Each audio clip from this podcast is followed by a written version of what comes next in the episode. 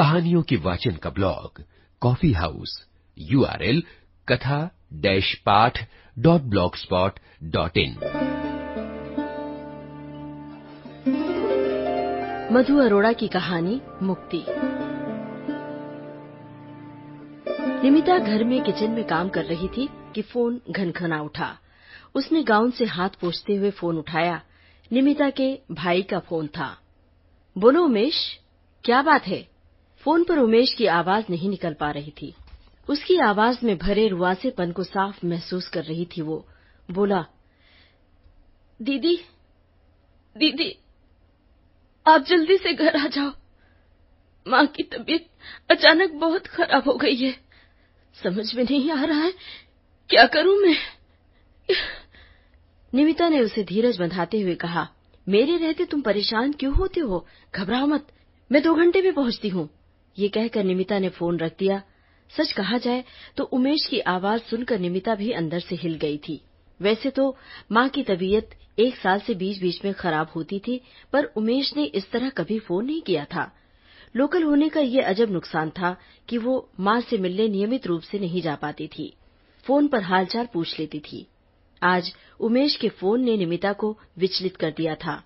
वो अपने आप से ही बड़बड़ाने लगी। ये शादीशुदा ज़िंदगी भी कभी कभी अखरने लगती है। जिन माँ बाप ने उसे बड़ा करने में अपनी ज़िंदगी होम कर दी, उन्हीं के आड़े वक्त में नहीं जा पाती। अपनी नौकरी, छोटे बच्चे, उफ, कई बार समझ में नहीं आता कि अपने जीवन में किसे प्राथमिकता दूँ। निमिता ने जल्दी जल्दी खाना बनाया और हॉट केस में रखा। एक छोटे हॉट केस में अपने माँ पिता और भाई के लिए खाना रखा। पता नहीं वहाँ क्या हाल हो। वहाँ बनाने से अच्छा है कि यहीं से ले लिया जाए। उसे याद आया कि विनोद को तो बताया ही नहीं, सो उसने विनोद को फ़ोन किया। विनोद, मैं जरा माँ के पास जा रही हूँ। उनकी तबीयत अचानक खराब हो गई है। देखती हूँ क्या बात है। विनोद ने कहा हम्म ठीक है। खुद को परेशान मत करो। जाकर देखो पहले क्या बात है। निमिता ने कपड़े बदले, पर्स में कुछ रुपए रखे और एक बार और देखकर तसल्ली की। वॉचमैन को घर की चाबी दी और ऑटो पकड़कर स्टेशन की ओर चल दी। वो रास्ते में सोचती जा रही थी कि अच्छा है वो नौकरी करती है, सो समय पड़ने पर अपनी सहायता खुद कर लेती है, नहीं तो हर समय विनोद से पैसे मांगने पड़े। उसे पैसे मांगना किसी जलालत से कम नहीं लगता। कोई मना कर दे तो? जब ऑटो वाले ने कहा तो उसकी तंद्रा भंग हुई कि स्टेशन आ गया है और उसे पता ही नहीं चला। उसने ऑटो वाले को रुपए दिए और टिकट विंडो से टिकट लेकर प्लेटफॉर्म की ओर चल दी। करीब नौ पचास की ट्रेन थी। करीब पौने ग्यारह बजे अपने घर पहुँची।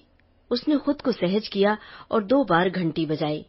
पिताजी ने दरवाज़ा खोला और निमिता को देखते ही पिताजी की आँखें डबडबा आईं निमिता ने पूछा, बाबा, क्या हुआ माँ को?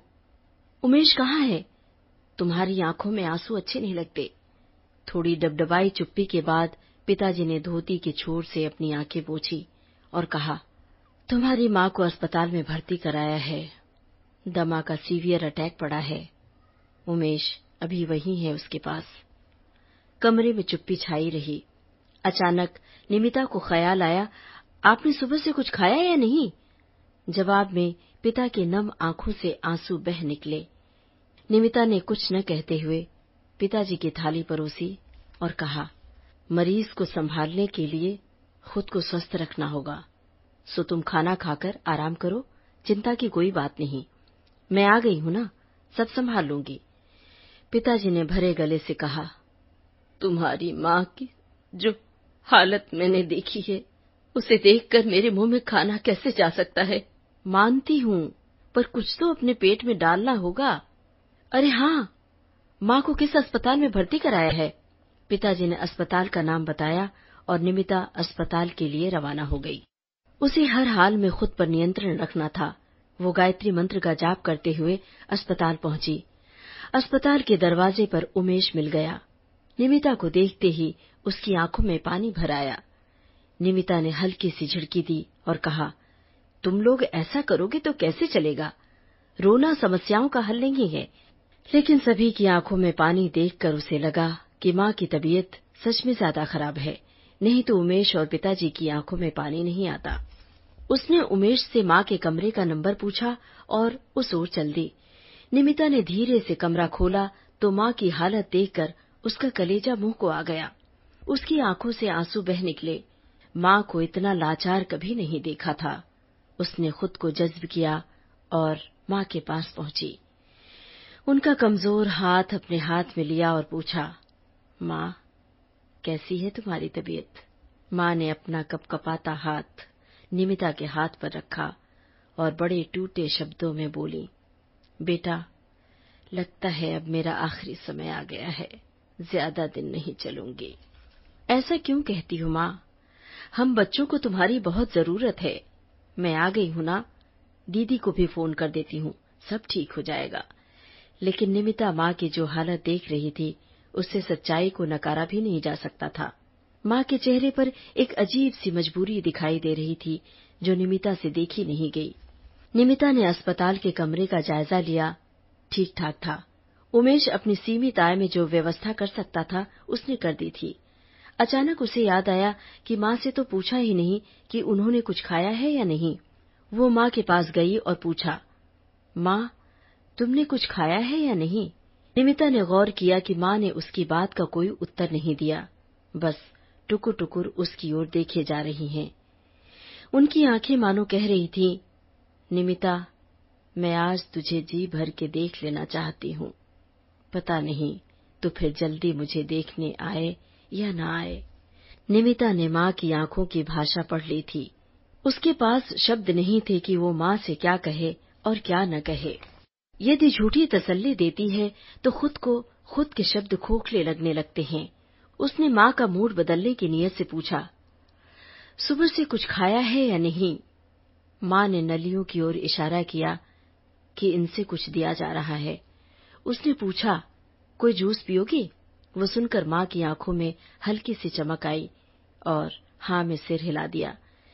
माँ की आँखों की ये चमक निमिता को खुश नहीं, बल्कि अंदर तक थर्रा गई। उसने महसूस किया कि माँ के शब्द डूबने लगे हैं और अब वे बोलने की बजाय लगातार शून्य में देखे जा रहे हैं। वो आगे की स्थिति के बारे में सोचते ही घबरा गई। वो माँ को इस दयनीय हालत में देखकर बहुत ही सकते की अवस्था में थी। माँ की हालत उनकी भावी हालत को बयां कर रही थी। निमिता ने सोचा कि अब देर करना ठीक नहीं है। माँ की जो भी इच्छा है, उसे पूरी करनी होगी। वो तेज तेज कदमों से बाहर आई। बाहर उमेश खड़ा था। अपने ही विचारों में गुम। वो आने वाली दुरूह परिस्थितियों से सामना करने के लिए खुद को मानसिक रूप से तैयार कर रहा था। दोनों में से कोई कुछ नहीं बोला। निमिता बाज़ार से कुछ फल जूस लेकर आई। अस्पताल में आकर उसने फटाफट संतरे का जूस निकाला और गिलास में लेकर माँ के कमरे की ओर बढ़ गई। माँ दरवाजे की ओर देख रही थी। शायद निमिता का इंतज़ार कर रही थी। निमिता ने उनको जूस का गिलास दिखाया और उन्होंने मुँह खोल दिया। निमिता ने माँ के मुँह में जूस की धार बनाई और माँ ने उस जूस को इतनी तेज़ी से पिया। मानो वे इसी का इंतज़ार कर रही थी। वो लगातार माँ के चेहरे को पढ़े जा रही थी और नोट कर रही थी कि माँ ने बोलना बंद कर दिया था और जब देखो तब एक टक शून्य में देखती रहती थी। उसे ये भी भान होता जा रहा था कि माँ का अंतिम समय नज़दीक आता जा रहा है। इसलिए जो भी करना है, अभी और इसी समय करना है। माँ को वो सब खिला देना है, उनको जो पसंद है। यदि ये भी बंद कर दिया तो उनकी इच्छा अतृप्त रह जाएगी।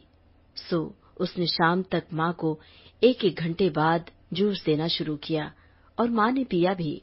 शाम छह बजे डॉक्टर अस्पताल में दौरे पर आए। निमिता उनसे मिलने गई और पूछा, डॉक्टर साहब, माँ की तबीयत क्या कहती है?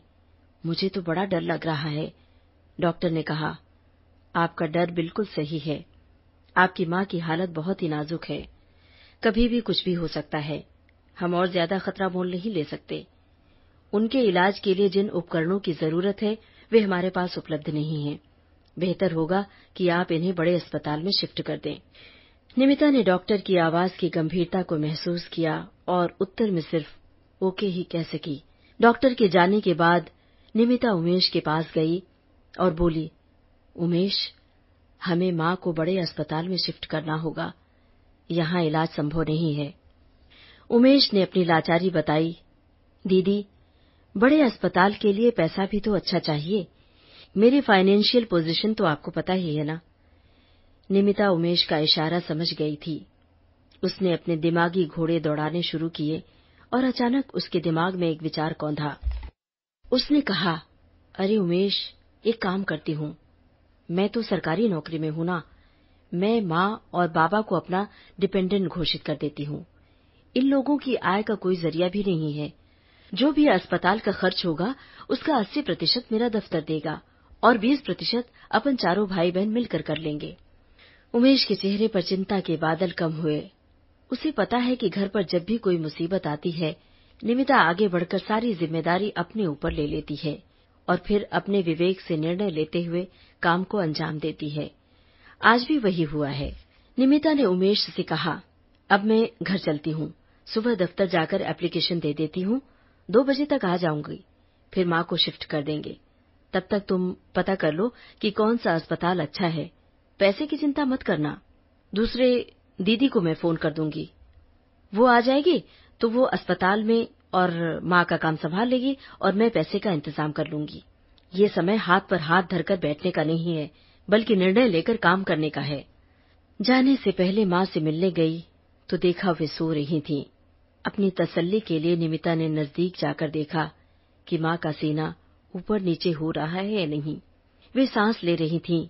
और निमिता फिर से स्टेशन के लिए रवाना हो गई।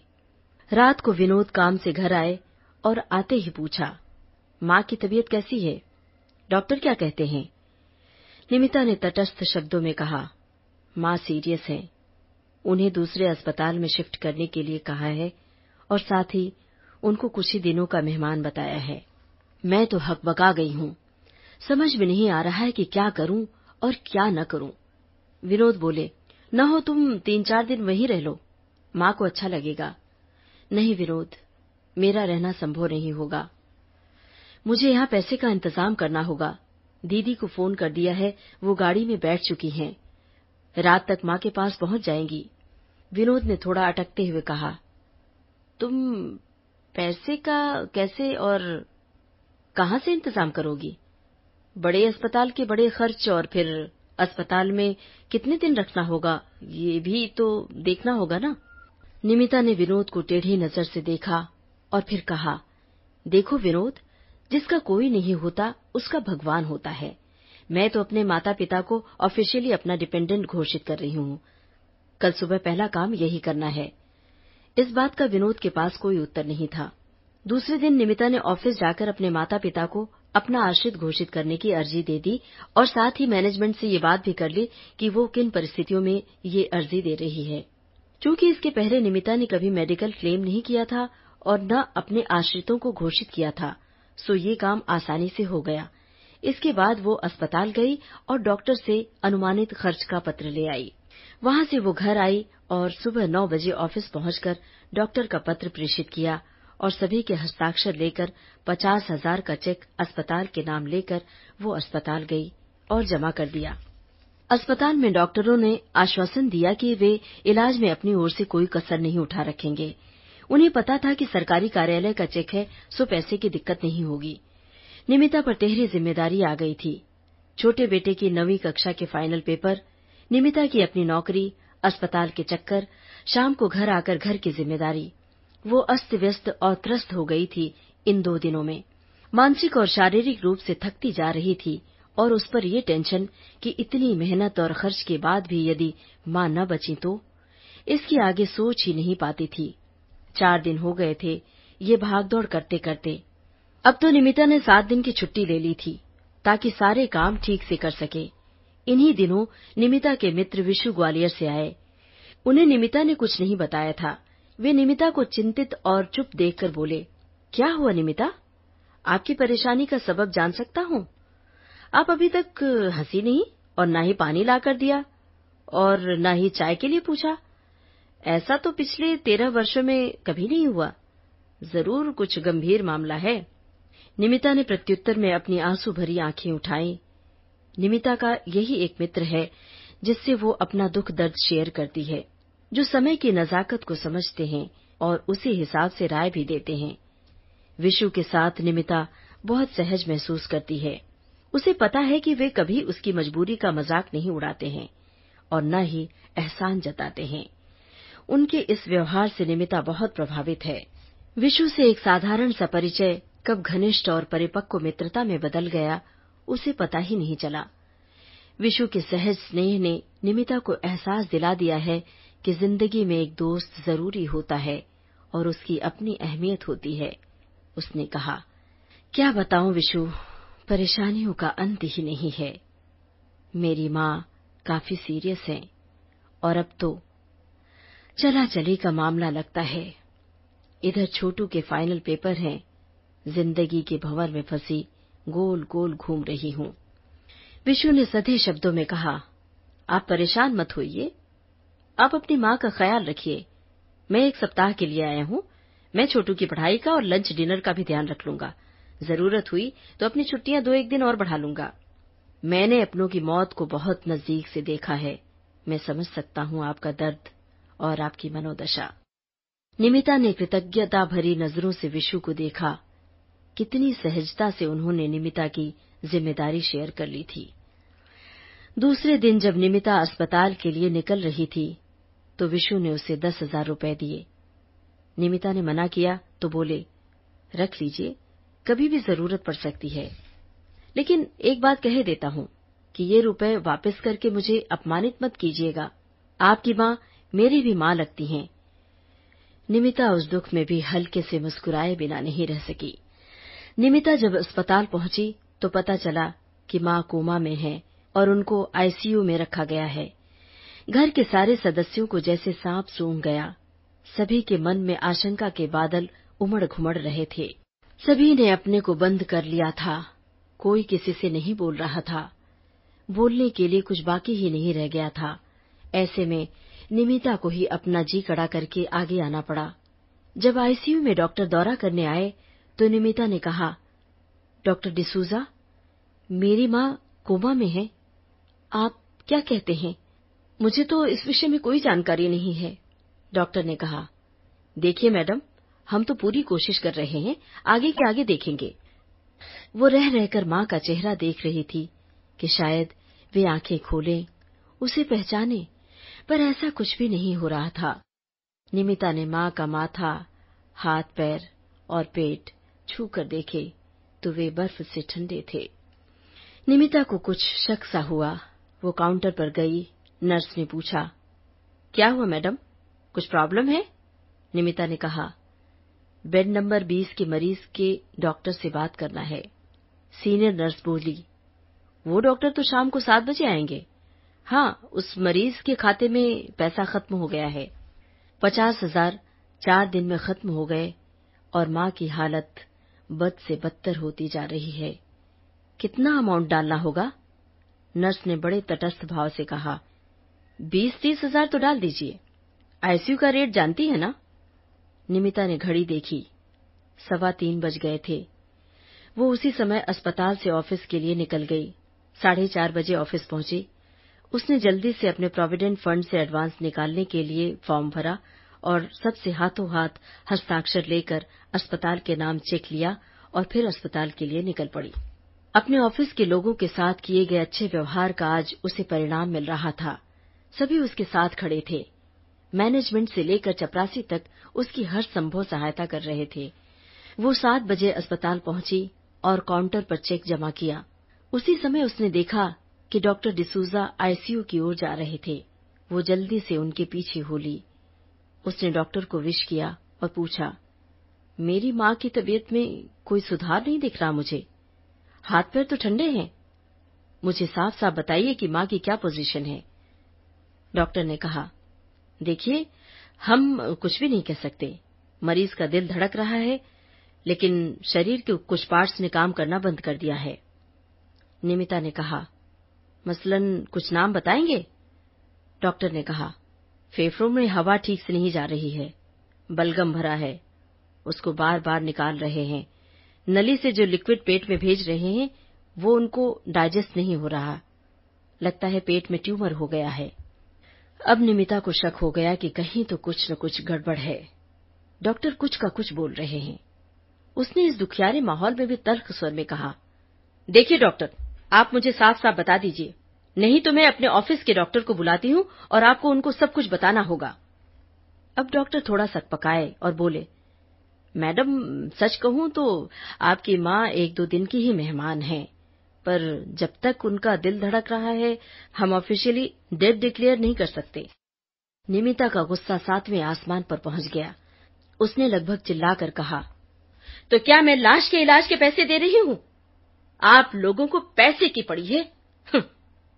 इंसानियत जैसी कोई चीज़ बची है आप लोगों में? ये बात आप लोग मुझे पहले भी तो कह सकते थे। डॉक्टर ने कहा, देखिए मैडम, गुस्सा होने से काम नहीं चलेगा। आप बताइए आगे क्या करना है। डॉक्टर के इस बदले रूप से निमिता भौचक रह गई। वे कोई ज़िम्मेदारी लेने के लिए तैयार नहीं थे। सब कुछ निमिता पर छोड़ दिया था। वो बाहर आई। उसने अपने भाई बहनों को बुलाया। दीदी, अब तो डॉक्टरों ने टका सा जवाब दे दिया है। क्या करना चाहिए? सांस भी तो मशीनों के सहारे चल रही है।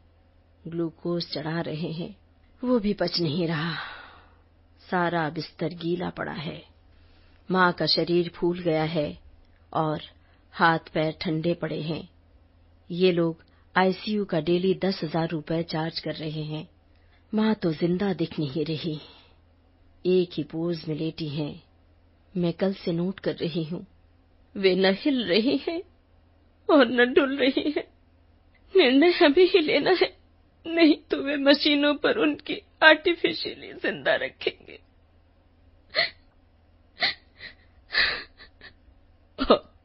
हमसे पैसे लेते रहेंगे।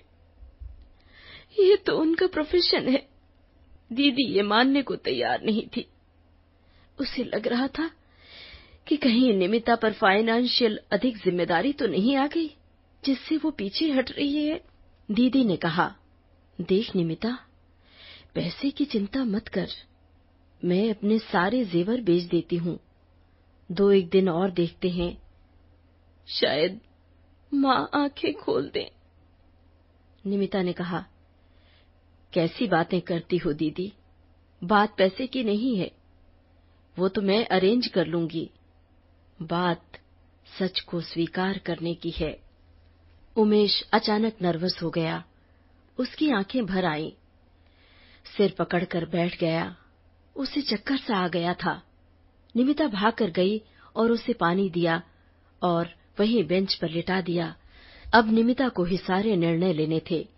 उसने अपने दिल पर पत्थर रखा और काउंटर पर गई। डॉक्टर डिसूजा मरीजों के चार्ट देख रहे थे। डॉक्टर डिसूजा, हम सबकी राय है कि माँ के शरीर से मशीनें हटा दी जाएँ और सिर्फ़ ऑक्सीजन चालू रखी जाए। और जनरल वार्ड में शिफ्ट कर दिया जाए। डॉक्टर इस बात को भाप गए थे कि इन लोगों को अब और ज़्यादा मुगालते में नहीं रखा जा सकता।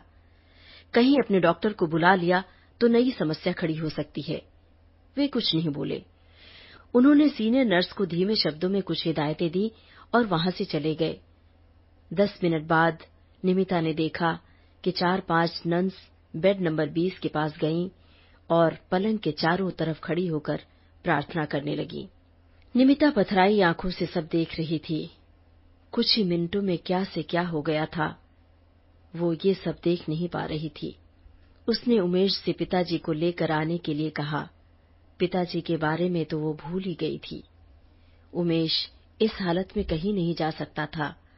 सो पड़ोस में फ़ोन किया और पिताजी को लेकर अस्पताल पहुँचने के लिए कहा। बीस मिनट में पिताजी वहाँ आ गए। उनको माँ के पास ले गए वे माँ को कुछ और देर तक देखते रहे और अचानक बोले, हुई है सोई जो राम रचि राखा। और पलट कर दीदी के पास आए और बोले, मेरे लिए ऑटो बुला दो, घर जाना है। तुम्हारी माँ सुबह तक घर आ जाएँगी, फिर वहीं बात करूँगा मैं। निमिता को लगा कि पिताजी कहीं विक्षिप्तावस्था में न आ जाएँ। कुछ बोलेंगे नहीं, पर घुट घुट कर खुद को खत्म कर लेंगे। सो पड़ोसी के साथ ही उनको घर वापस भेज दिया। निमिता ने विनोद को फ़ोन किया कि वे तुरंत अस्पताल आ जाएँ। विशु को फ़ोन किया कि वे निमिता का इंतज़ार न करें। उसे घर आते आते रात के ग्यारह बज जाएँगे। विनोद सीधे अस्पताल पहुँचे और निमिता घर के लिए निकल पड़ी। वो थके थके कदमों से घर आई। वो अंदर से टूट सी गई थी। सब कुछ खत्म हो गया था। बस इस कड़वे सच को स्वीकार करना था। छोटू और विशु ने मिल्क शरबत बनाया, निमिता को पीने के लिए दिया। इस समय विशु और बेटा छोटू हमदर्द बनकर उसके पास थे। जो बिना कुछ बोले उसके दर्द को बांट रहे थे। उस रात निमिता बहुत बेचैन रही। सुबह किसी तरह उठी, विनोद को फ़ोन किया। उन्होंने बताया माँ को जनरल वार्ड में शिफ्ट कर दिया है। शरीर से सारी नलियाँ निकाल दी गई हैं। सिर्फ़ ऑक्सीजन चल रहा है। धीरे धीरे ऑक्सीजन का फोर्स भी कम करते जाएँगे और फिर बंद कर देंगे। तुम सुन रही हो न सब? न हो तो तुम अस्पताल आ जाओ। निमिता ने कहा, अभी कुछ देर पहले ही घर आई हूँ। सच कहूँ तो माँ को अपनी आँखों के सामने मरते नहीं देख पाऊँगी। तुम उधर ही रहो, ये कहकर निमिता ने फ़ोन काट दिया। निमिता ने आँखों को ठंडे पानी से धोया और आँखें बंद कर ली। रात करीब एक बजे निमिता ने सपना देखा कि उसके बेडरूम की खिड़की के सामने से एक चिड़िया सी आकृति, जिसके माथे पर बड़े आकार की बिंदी चमक रही है, अपने दोनों पंख फैलाए उड़ती हुई गुजर गई है और निमिता हड़बड़ा कर उठी। कानों के पास फ़ोन बज रहा था। निमिता ने कांपते हाथों से फ़ोन उठाया। दीदी की आवाज़ आई।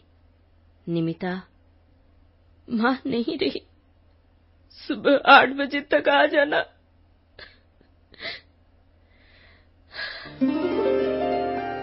ये थी मधु अरोड़ा की कहानी, मुक्ति। कहानियों के वाचन का ब्लॉग, कॉफ़ी हाउस यूआरएल कथा डैश पाठ dot blog spot dot in.